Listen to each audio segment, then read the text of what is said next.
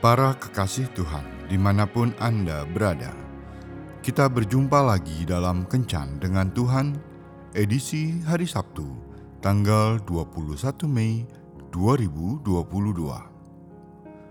Dalam Kencan kita kali ini, kita akan merenungkan Injil Lukas, bab 15 ayat 4. Siapakah di antara kamu yang mempunyai seratus ekor domba, dan jikalau ia kehilangan seekor di antaranya, tidak meninggalkan yang 99 ekor di padang gurun dan pergi mencari yang sesat itu sampai ia menemukannya.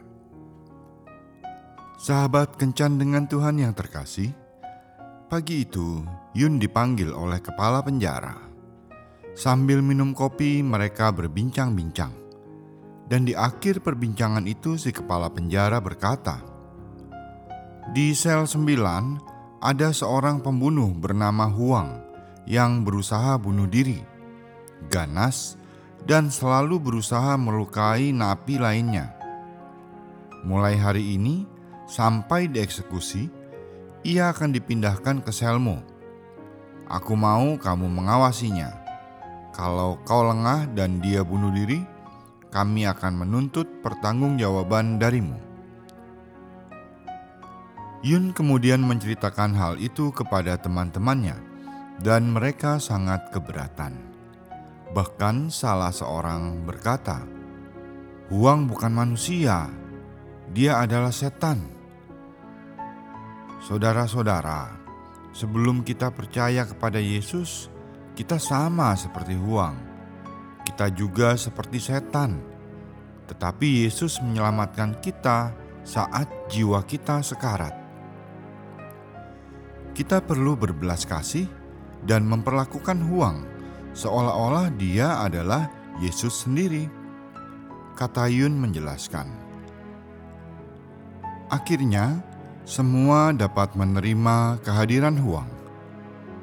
Saat masuk ke sel Yun, kaki dan tangan Huang dirantai.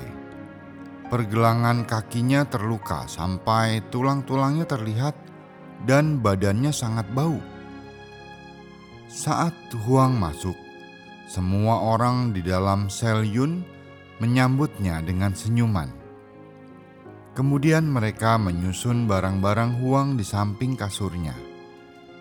Yun meminta Huang untuk tenang Kemudian ia menyobek bajunya dan mencelupkannya ke air. Dengan lembut, Yun membersihkan kotoran dan darah kering di wajah, mulut, dan pergelangan kakinya. Kemudian membalutnya. Huang merasakan kasih dan penerimaan dari Yun. Kemudian Yun mengatakan bahwa Yesus mengasihinya.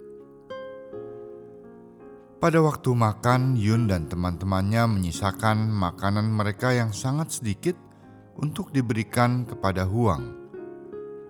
Malam harinya, saat Yun akan menghabiskan mantau karena sangat lapar, ia berhenti makan dan menangis ketika Tuhan berbicara di hati kecilnya.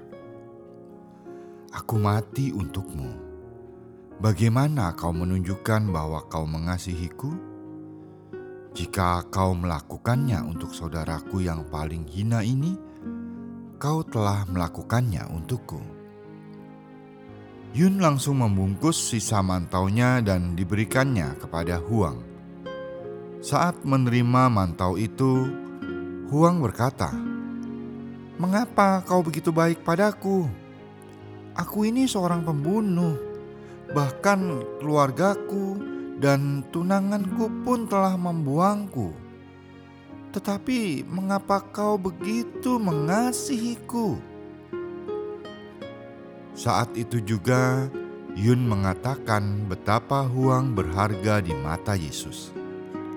Kemudian secara tak diduga, Huang berkata, "Tuhan, terima kasih karena Engkau mengasihi orang berdosa sepertiku.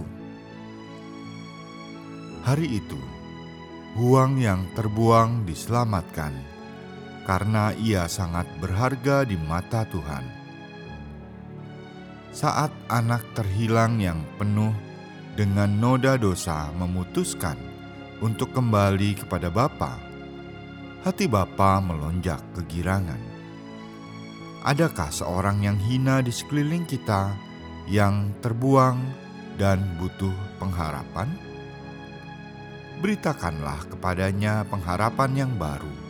Sampaikan bahwa Yesus mengasihinya dan ingin menyelamatkannya, karena Dia sangat berharga. Tuhan Yesus memberkati. Marilah berdoa.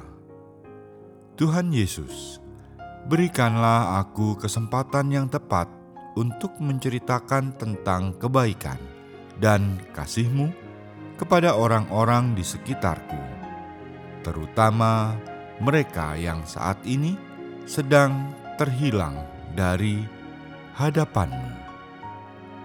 Amin.